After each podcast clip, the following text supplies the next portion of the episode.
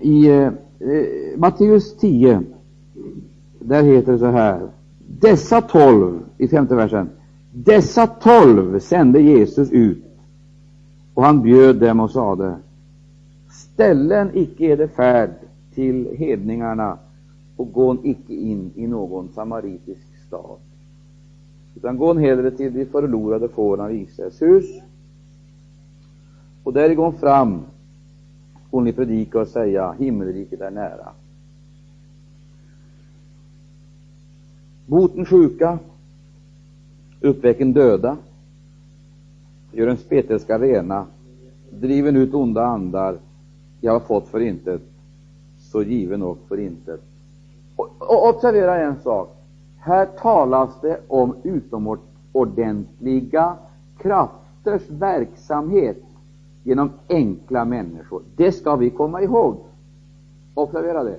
Men jag vill verkligen poängtera det här utifrån denna självklara utgångspunkt, nämligen det var utomordentliga krafters verk i och igenom mycket enkla redskap.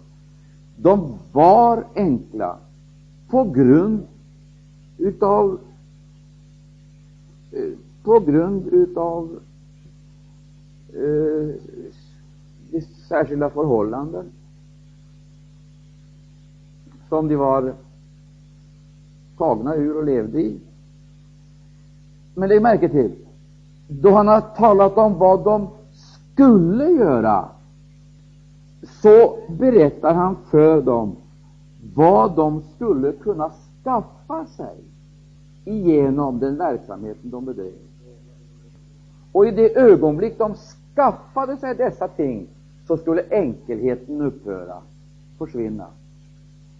Och därmed förlorade de också kontakten med sitt ursprung och avsöndrade sig ifrån Mästarens klara och tydliga eh, instruktioner.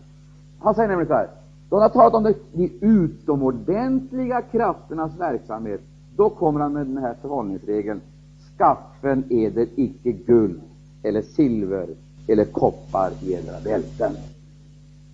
Alltså genom sin utomordentliga verksamhet så skulle de kunna skaffa sig privilegier och förmåner och positioner. Det vill säga, då skulle de överge den där enkla nivån och den där, den där direkta förbindelsen skulle i samma ögonblick med behovets barn den direktgående förbindelsen med behovets barn skulle i samma ögonblick så att säga brytas. För att det var inte de rika som skulle möta de fattiga, eller de mätta som skulle möta de hungriga, utan det är behovets barn hela tiden som bemöter behovets barn. Och det, det, det är detta som är det viktiga att komma ihåg. Men nu är frågan den alltså, när, när förändras detta? Vi ska läsa några verser till, för att det, det här är egentligen oerhört skakande. Jag tycker att det här jag tycker personligen, för mig, för mig, för mig personligen, så står och faller mycket i hela det kristna livet just med detta. Det tycker jag. Jag, jag, tror att här har vi, jag, jag, tror att här har vi en förfärligt viktig sak. Alltså, som, alltså, det heter, för det första, det första är de utomordentliga krafternas verksamhet i de enkla redskapen. Sen så kommer då förhållningsreglerna, skaffa eder icke. Därför att i det ögonblick som man skaffar sig detta, så distanserar man människor när man ska hjälpa. Och man kan inte bli dem till hjälp. Och detta sker smygande och omärkligt. Smygande och omärkligt, det vill säga man distanserar dem först i sitt inre och sen också i sitt yttre.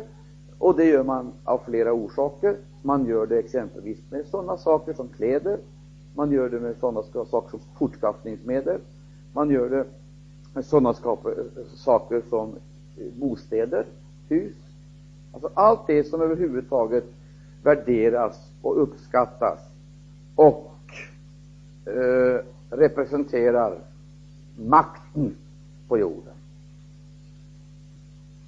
Skaffen eller icke, detta. Och så heter det vidare, vi ska läsa. Icke någon eh, ränsel för eder färd, ej heller dubbla livklädnader, ej heller skor eller stav, ty arbetaren är värd sin mat. I, eh, I det här sammanhanget framgår det alltså med allsköns tydlighet att det skulle ske, om jag får uttrycka det så, ett utbyte.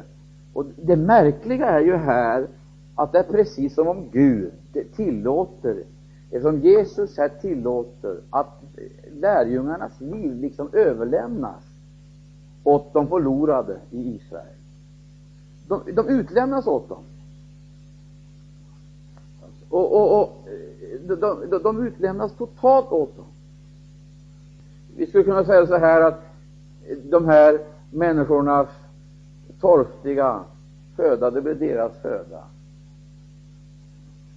De fick äta de fattigas bröd och dela de fattigas villkor. Och när de kom in i hemmen så var det deras uppgift att, lyssna, deras uppgift var att predika himmelriket är nära. Alltså, och då, då ska jag lägga märke till att uppenbarligen är det två riken här som, om jag inte säger störtar samman, men det är två riken eh, som här på ett märkligt sätt bryter in i varandra. Det är ju ett närvarande och ett tillkommande. Jag skulle vilja gå ännu längre in i det här, men jag får överlämna det åt den heliga Ande att upplysa era egna hjärtan. För att vi måste förstå vad det här innebär. Nu predikade de att himmelriket är nära. Himmelriket, ett nytt rike, eller en ny tidsålder. Och då måste ju de på samma gång de har sagt detta demonstrera detta rikes myndighet. Va? De måste kunna demonstrera detta rikes myndighet eller ge prov på fullmakter. Att de hade detta rikes fullmakter om de skulle kunna bli trodda. Alltså, de, hade de, om jag får uttrycka det så, de kreditivbrev som var nödvändiga för att företräda detta rike, så måste de bevisa det. Och fullmakten låg i den andliga kraft de hade, för det var ett andligt rike. Ett andligt rike som dock inte var oberoende utav människor och medarbetare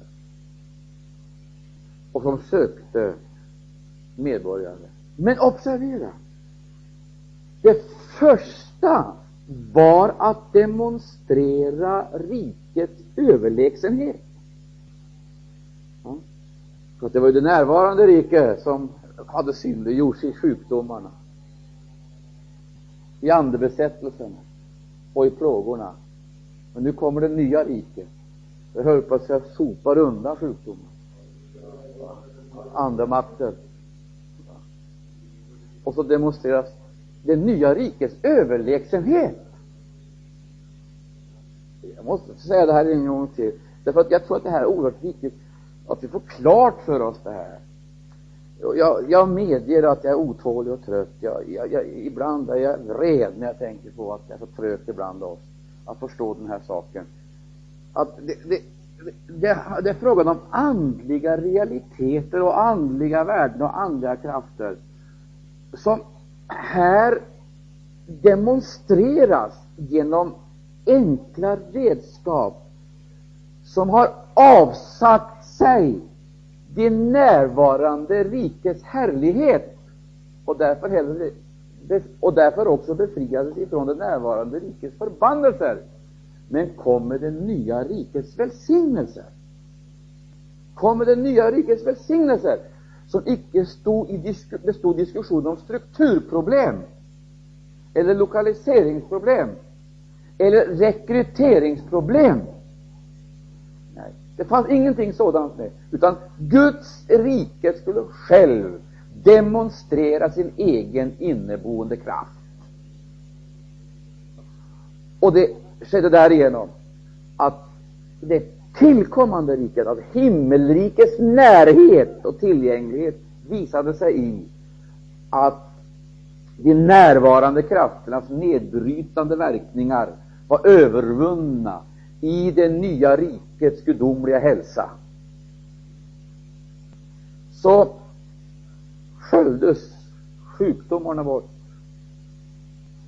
och makterna måste vika. Människor blir befriade från andebesittelse och sjukdomar genom de här redskapen.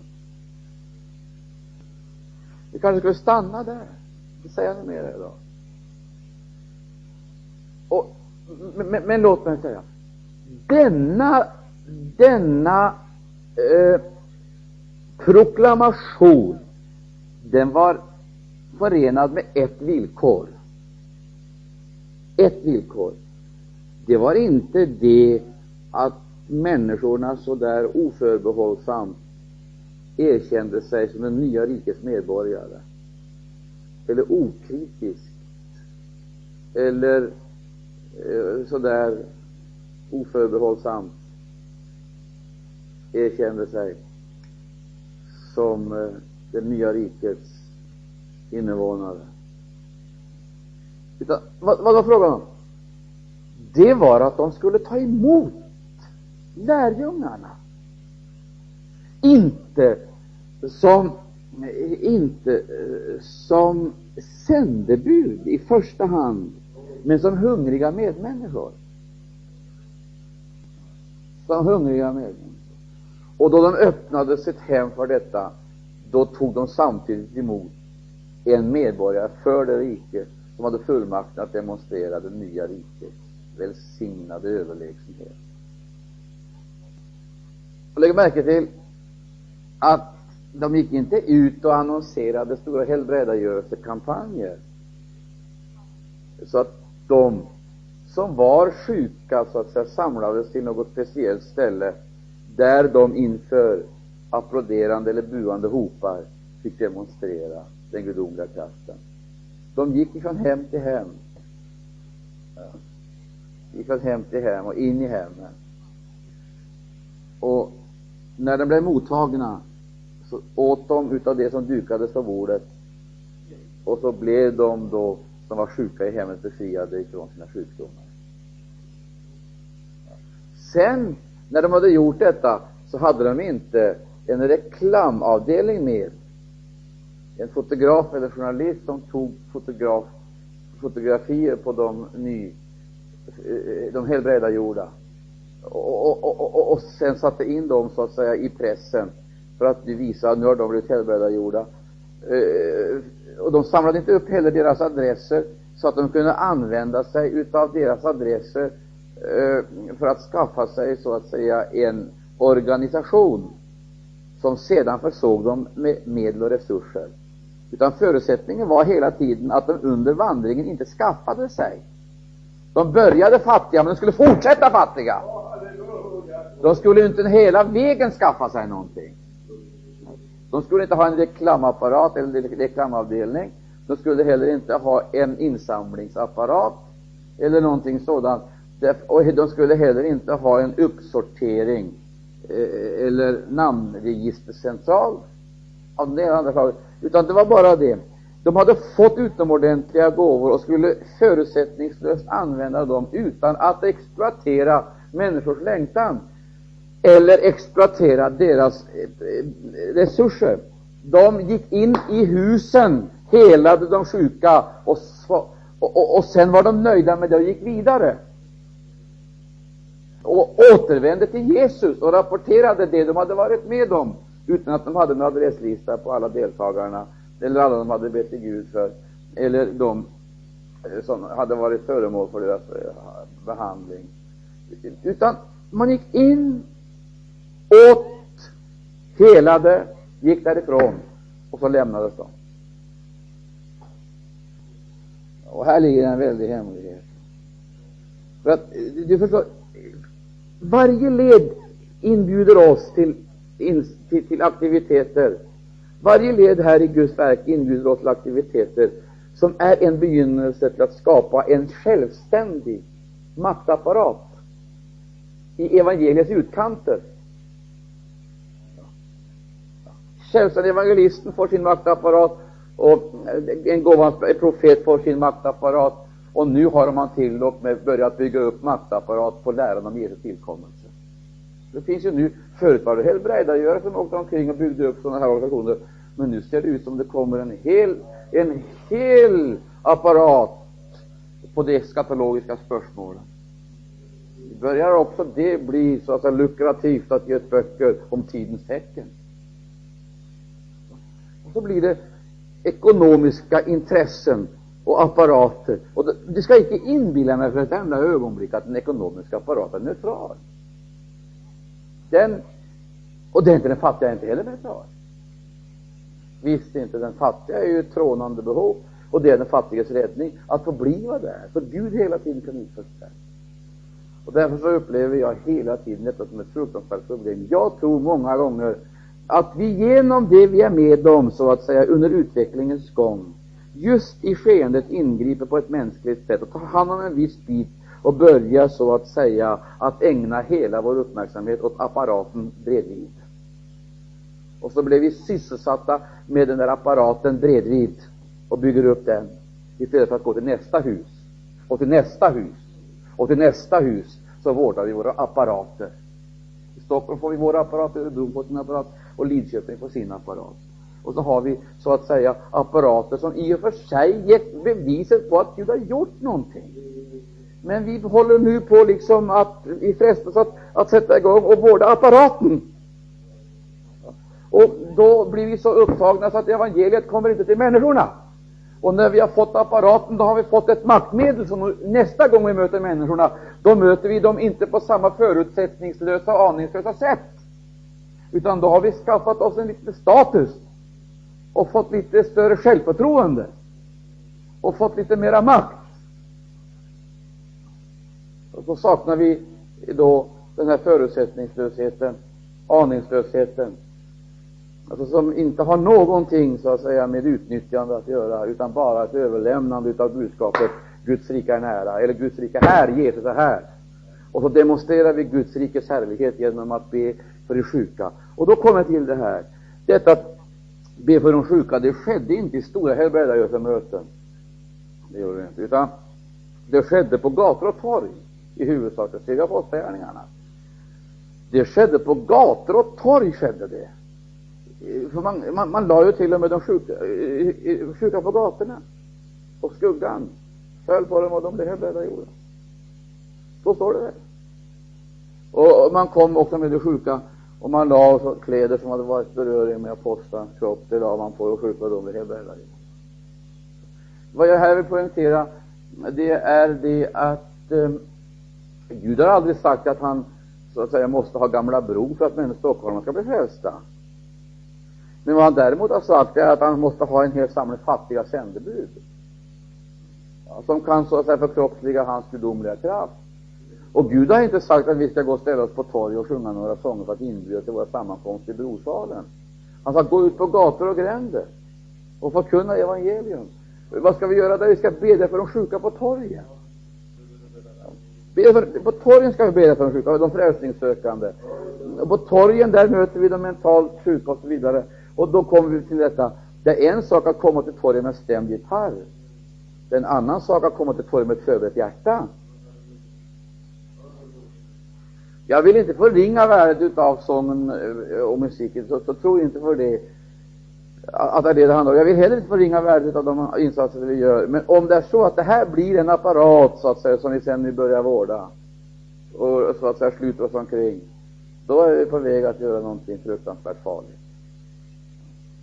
Väldigt farligt. Då är vi snart inne i samma fruktansvärda eh, kyrkliga, eh, kyrkliga procession och succession. Det ena liksom föder det andra. Och vi har samma eh, problem som alla de andra. Styrkan hos oss, det är inte vår fasta organisation utan vår rörlighet. Styrkan hos oss är att inte vi, att inte vi har, styrkan hos oss det är inte att vi saknar fast egendom och hus. Styrkan hos oss är att Herren kan kasta oss ut när som helst, hur som helst, var som helst. Därför att vi har ingenting i huset som vi måste liksom eh, slå vakt om, eller rädd om. Och vi har heller inga hus att slå vakt om, är rädda om, utan vi kan gå ut på marken och torgen överallt när som helst med detta evangelium till människorna. Men inte bara på torgen, vi kan ringa på dörrarna, gå i hemmen och möta dem. Och är det så att jag saknar himmelrikets utomordentliga gåvor, så kan jag ha himmelrikets egenskaper. Himmelrikets egenskaper så att jag himmelrikets tjänande egenskap. Hjälper de fattiga på samma sätt som jag är fattig med deras husliga och dagliga bekymmer. Det kan vara så att jag kan göra ett eller annat praktiskt arbete. Eller vad som helst. För att vi är inte ute för att exploatera, exploatera människorna. Vi är ute för att proklamera ett himmelrika här. Och det är vår uppgift att demonstrera himmelrikets kraft. Det är det som är vår uppgift, att demonstrera himmelrikets kraft. Och det är klart för människorna att himmelriket är överlägset alla andra riken. Och vi vill bevisa det i gärning, icke i våra kyrkor och kapell, men i era, era hem. Ja, och icke genom diskussioner om eskatologiska ting, men om en gudomlig kraft som griper in i deras vardag. Prisat vare Gud och och Nu vill jag säga en sak, med stor försiktighet vill jag säga det. Här har man gjort det stora misstaget. Därför att detta sätt liksom att, att evangelisera, det är ju på samma gång väldigt, det, det är väldigt svårt. På samma gång som det är enkelt är det väldigt svårt. Vad gör vi då istället? Låt oss, låt oss tänka in i situationen. Ska vi ut och missionera, så tar vi inte upp kampen på det här planet. Vi vågar inte möta människorna på det här planet. Då lämnar vi det planet och går upp på ett annat plan.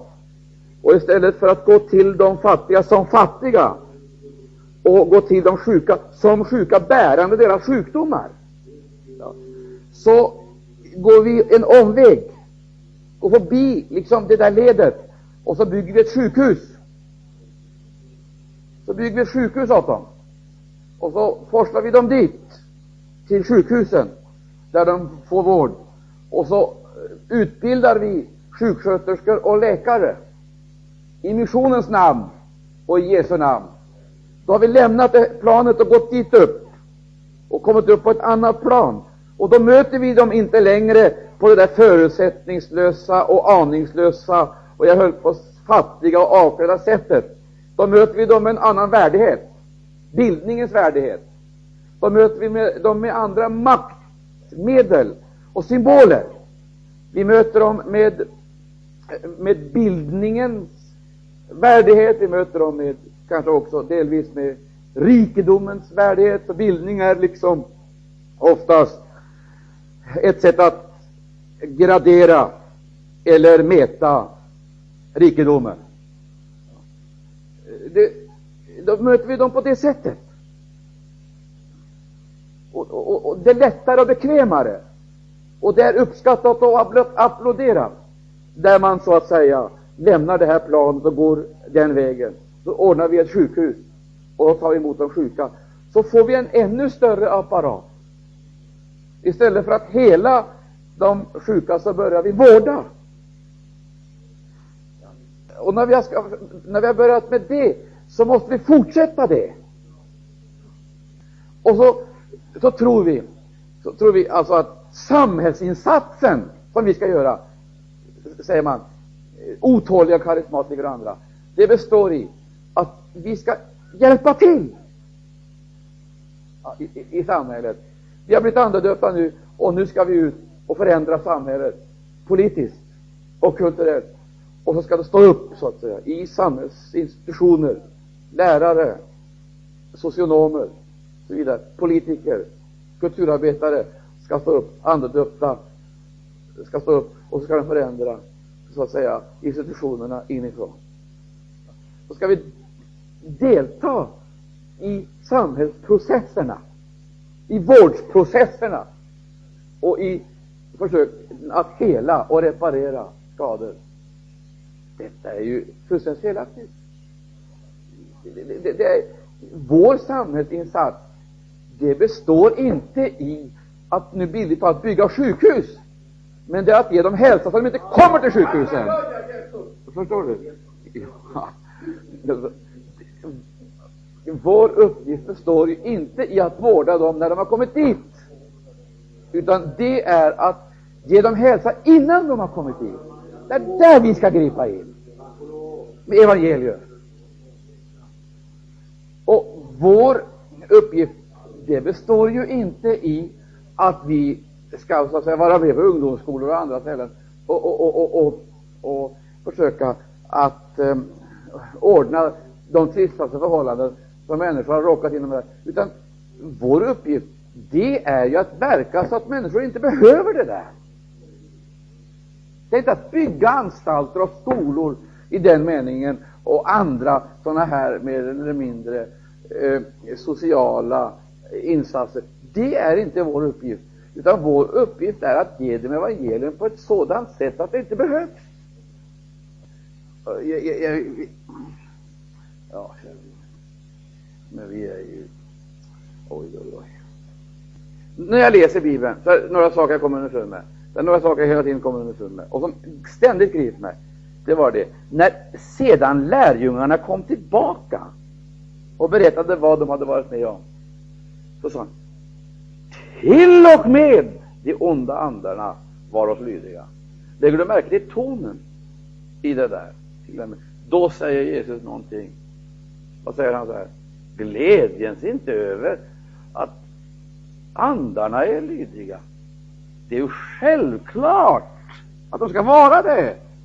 Men glädjens över det större är att deras namn är skrivna i Livets bok. Och nu har vi kommit tillbaka till det här. Där ser du skillnaden på de som hjälpte och de som mottog hjälpen. De som var de hjälpare i det här sammanhanget, de hade namnen i boken.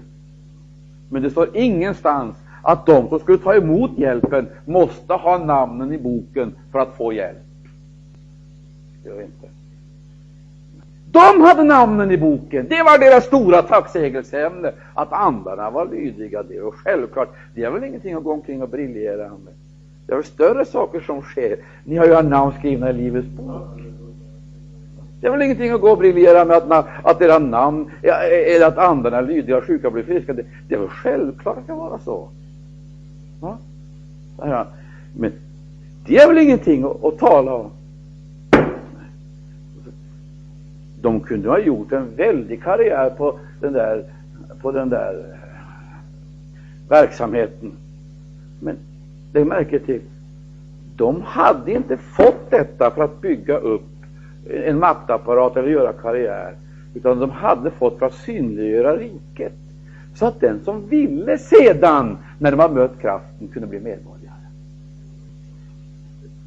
Så då kraften var demonstrerad så överlämnades valet åt den hjälpte, om man ville anamma Guds rike, eller himmelriket. Så det var inte nu, ta emot riket och du blir helbrägdagjord. Himmelriket är nära för dem och sen så demonstrerade de det genom att de sjuka blev helbrägdagjorda. Sen så överlämnade de helt åt sitt eget omdöme om nu från den där stunden skulle räkna sig som himmelrikets medborgare. Och så kommer de då tillbaka till Jesus, till och med de onda andarna. Ja, men, säger Jesus, glädjen är inte av att de onda andarna är där, det är ju självklart att de ska vara det. Det är ju det nya rikets signum att sjukdomen är besegrad i det nya riket. Det är det nya rikets signum att de onda andarna är eder lydiga. För ni har ju fått makt därtill i mitt namn. Glädjen är det icke över detta, utan glädjen är det över att era namn är skrivna i, i himlen. Det var storheten, att de var inskrivna där. Det finns mycket, mycket mer i det här sammanhanget. Jag ska inte fortsätta, jag ska strax sluta. Men jag, jag märker jag märker hos mig själv, jag märker hos andra tendensen till förstelning. Och det värsta är att förstelningen, den, den smyger sig på en. Alltså, och den berör olika områden av en personlighet. Alltså, jag, ja, käre Gud i himlen. Ja. Inte minst på det intellektuella planet. Problemet är ju det att man, att man blir så vis och förståndig.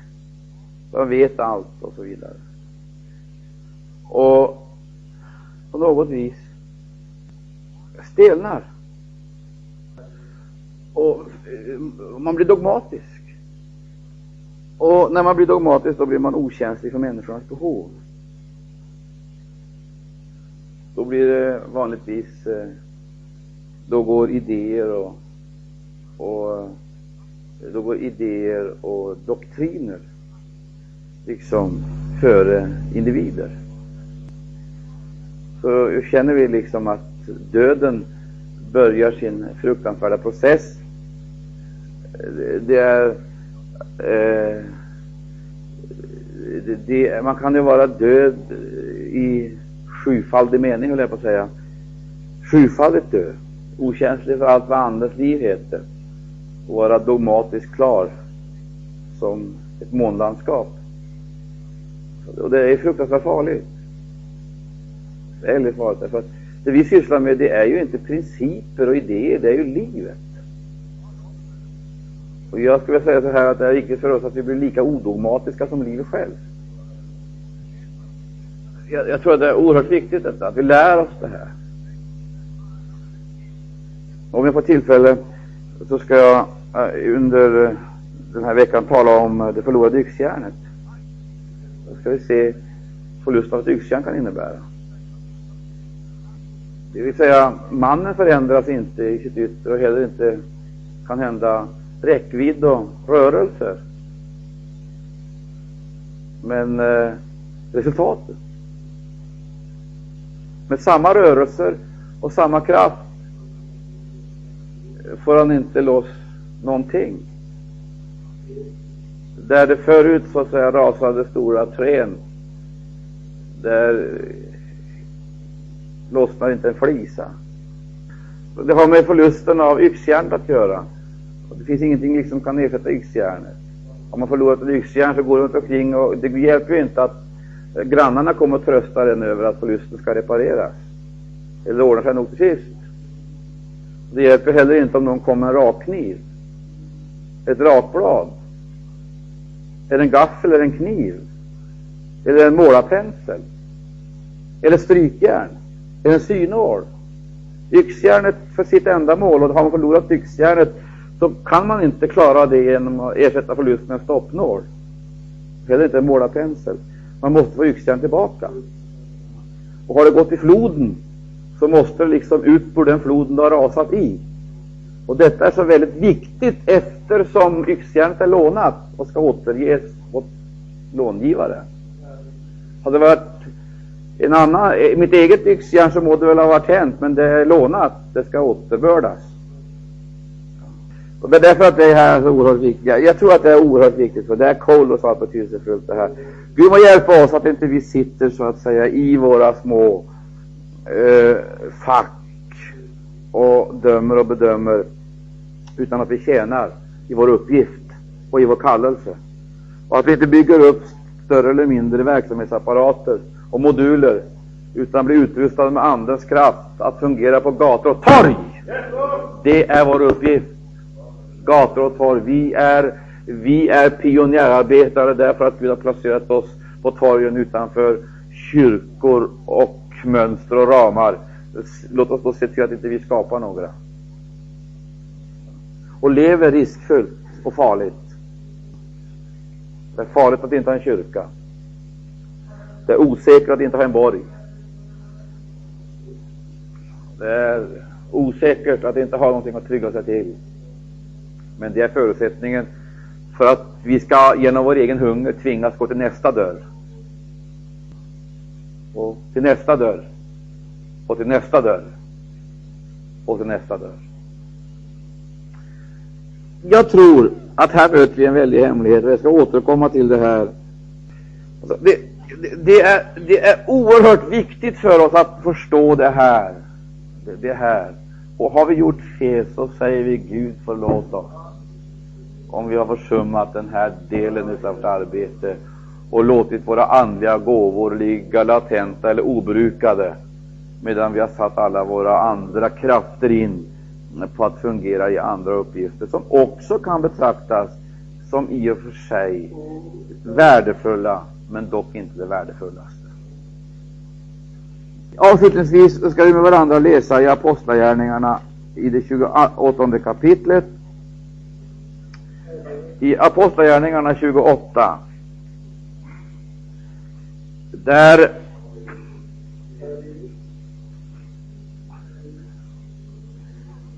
i Apostlagärningarna 28, där möter vi den här förutsättningslösheten. Vi märker att allt eftersom de tog emot apostlarna, allt så eftersom de tog emot och upplevde de himmelrikets väldiga krafters verksamhet. Och det hade ingenting med deras det var, var, var icke förenat med några krav på omvändelse eller efterföljelse.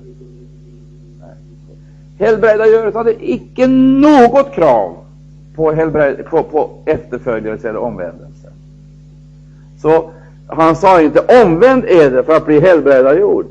Utan vad de gjorde, det var de bad för de sjuka utan att överhuvudtaget testa deras situation. I det 28 kapitlet, där kan vi läsa med varandra i den sjunde versen. I närheten av detta ställe var en lantgård som tillhörde den förnämste mannen på ön. Och det kan vara också riktigt av oss att poängtera att det står den förnämste man på ön. Det vill säga, Gud känner till nyckelpersonerna i olika sammanhang. Och om det nu är så att Gud tar nyckelpersonerna, så låt oss inte se med förakt på det. Och låt oss inte liksom i omvänd mening använda så att säga klasstänkande så att vi ser med förakt på dem som liksom lever på en nivå över vår. Att vi är fattiga innebär inte att vi samtidigt är avundsjuka eller strävar efter att komma upp till dem. Utan vi har en sån rikedom och så stor och underbar så de får leva så att säga i sin värld utan att vi så att säga kräver av dem att de ska gå in i våra försakelse, under våra försakelsevillkor för att få vår sällhet. Det är en sak som inte vi har ett dugg med att göra. För vi är inte deras herre, det får Herren ordna upp med dem.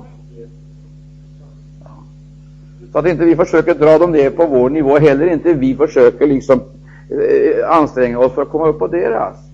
Är det de förnämsta på ön, så låt oss betrakta dem som sådana utifrån det de är i den här världen. Det är deras eh, nivåer och rangskillnader och så vidare. Och det må de ha. Det intresserar oss inte så värst mycket. Vad som intresserar oss är att få in evangelium. Att himmelriket ska visa sin kraft. Men vi är inte ute för att komma med en ny politik, en bättre politik till ön. Och vi är heller inte ute för att förändra strukturerna primärt. Vi är ute för att proklamera himmelriket och visa dess kraft. Då kommer himmelrikets egen inneboende verkning att åstadkomma snabbresultat. Och det visar sig ju här också. Och vi ska läsa med varandra. I närheten av detta ställe var en lantgård som tillhörde förnämste mannen på ön, en som hette Publius. Denne tog välvilligt emot oss och gav oss härbärge i tre dagar. Nu hände sig att Publius fader låg sjuk i en magsjukdom med feberanfall. Paulus gick då in till honom och bad och lade händerna på honom och gjorde honom frisk. Ser att han gjorde honom frisk? Jag tycker det är suveränt.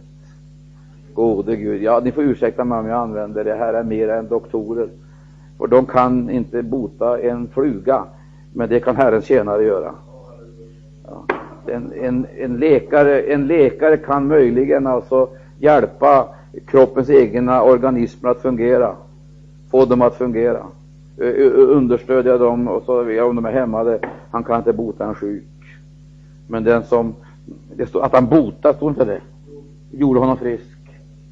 Det kan inte en läkare göra. Men det kan Herrens tjänare göra. Om man är utrustad så att säga med lite utomordentliga gåvor och handlar i överensstämmelse med Guds befall. då går han in och gör honom frisk. Gör honom frisk.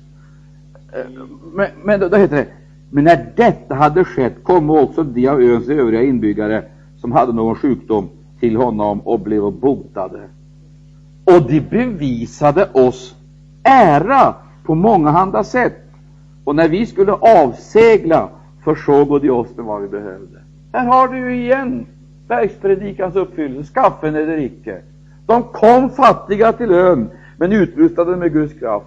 De behövde Publius hjälp för att klara sin akuta situation. Och han tog välvilligt emot dem. Publius han hade en sjuk i hemmet. Han fick hjälp, den sjuke blev helad. Och därigenom så öppnades dörrarna till många hem på ön. Den förnämste hade tagit emot dem. Då kom alla de andra under honom.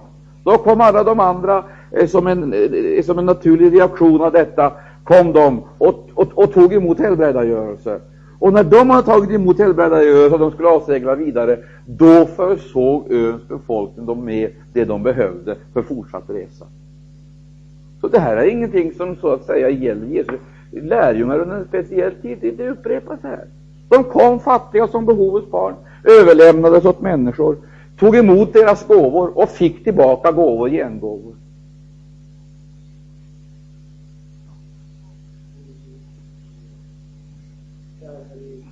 Och det är väl detta det handlar om.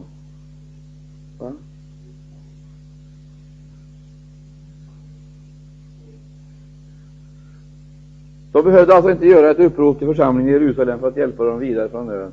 Det ordnade öns befolkning. Och de frågade inte ett enda dugg om de nu hade blivit, om, om de nu hade blivit kristna.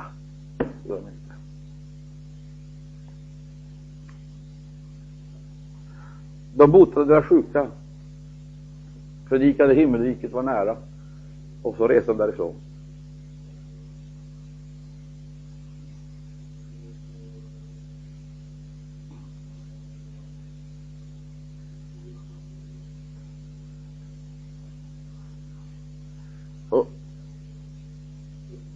Jag tror att här har, vi, här har vi den stora hemligheten till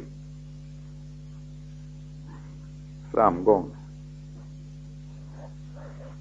Vi måste komma in i det här förutsättningslösa, fördomsfria, skaffen eller icke, någonstans under vägen, ingenstans under vägen.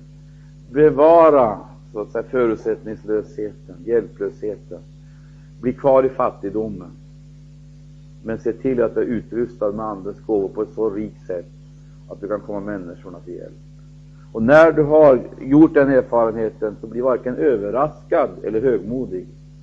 Det är ingenting som på något vis bör basuneras ut. Det är ingen sensation. Det är helt naturligt, helt i sin ordning. Det är lika naturligt, säger Jesus, att Gud ger oss den heliga Ande som det är att en far ger sin son stycke bröd när han beder om det. Och det är ingen som gör stora tidningsartiklar av att det är en far som har gett sin son en bit bröd. Det är inte. Och det är ingen som skriker ut att det finns en man här i landet som nu har gett sin son bröd. Utan det är någonting dagligt och naturligt och fullständigt självklart. Och vi som tror på Jesus Kristus ska leva i ett sånt intimt umgänge med honom att inte det är förenat med sensationer att människor blir friska. Så vi måste göra något speciellt utav helbrägdagörelsen. Vi förkunnar himmelriket är nära och vi demonstrerar det genom att bevisa himmelrikets överlägsenhet i utomordentliga manifestationer. Så vill Gud ha det. Men då måste det komma ut ur apparaterna och till människorna. Och acceptera individualiseringen som uteslutande evangeliet kan åstadkomma. Amen. Vi tackar dig, kära Herre Jesus Kristus. Vi prisar dig, kära Gud.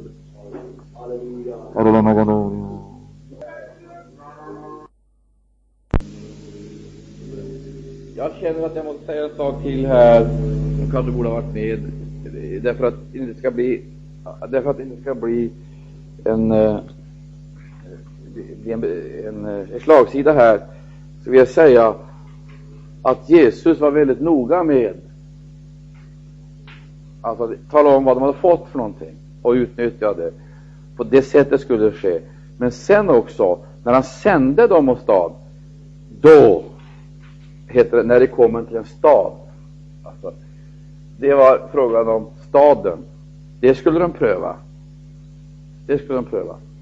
Men inte bara vilken stad, utan också när de kom till staden, huset. Alltså huset. Och utforska vem i den stad som var värdig. Och det, det vill jag säga när jag talar om detta att gå från hem till hem, så var det inte det att man hade liksom en evangelisationskampanj. Så man gick och ringde på alla dörrar, eller knackade på alla dörrar. Utan man gjorde som Paulus här, den förnämste på ön. Kom till den rätta. Som genom sitt eget inflytande drog ihop massor av andra. Och det är det jag vill säga. För det första så måste vi komma till den rätta staden i rätta ögonblicket.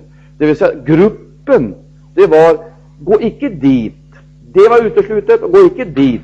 Men gå dit, till den gruppen, i den här tiden. Alltså vi, vi, vi måste bli orienterade, andligt orienterade, så att vi liksom inte kastar bort våra krafter på områden som inte är öppna just då. Måste lämna det. Utan till det rätta stället och till det rätta huset och träffa den rätta personen. Då kommer den personen att arbeta tio gånger bättre än vi. Bara genom det att han blir frälst. Eller helbrägdagjord. Eller möter Gud. Alltså, och, och, och, och, därför så vill jag säga åt oss att det, det, det är ju inte i första hand här frågan om att vi ska gå så att säga till vartenda hem och vartenda hus för att vi nu måste ska vi hinna över hela staden här. Det, det, det, det handlar inte om det. Nej. Det är inte som att starta en evangelisationskampanj och säga nu ska varenda invånare här ha en en affisch eller en tidning. Det är nog en metod, men jag tror att det är väldigt, väldigt underbart om vi kan komma in i den situationen att vi liksom blir öppna för Guds ledning. Kommer till rätta platsen. Och vi upplever att nu, nu känner vi Andens ledning att nu ska vi gå dit. Och när vi kommer dit också, våga, våga vara så enfaldig och säga Herre, nu tror jag att du ska leda oss rätt. Nu går vi åstad, nu tror jag att du ska leda oss till de rätta personerna. Och då kommer vi också vara med om de där kedjereaktionerna. Halleluja. Och jag tror, jag tror att det ligger en väldig styrka i detta. Vi har sett också när ungdomarna, vännerna har kommit. Jag tror att det ligger en väldig styrka i detta att de inte har kommit som professionella predikanter, teologer eller experter. Utan de kommer nästan lite tillbakadraget som vanliga, enkla, vardagens människor som kommer till dem. Nu har vi liksom kommit ett steg på vägen. Nästa gång så är vi ännu mer frimodiga. Så ber vi till Gud för husets folk. Och Herrens välsignelse fyller hemmet. Och det, det, det, är klart att det är inte bara på ett område detta sker, utan på många. Låt oss ytterligare tala med Herren.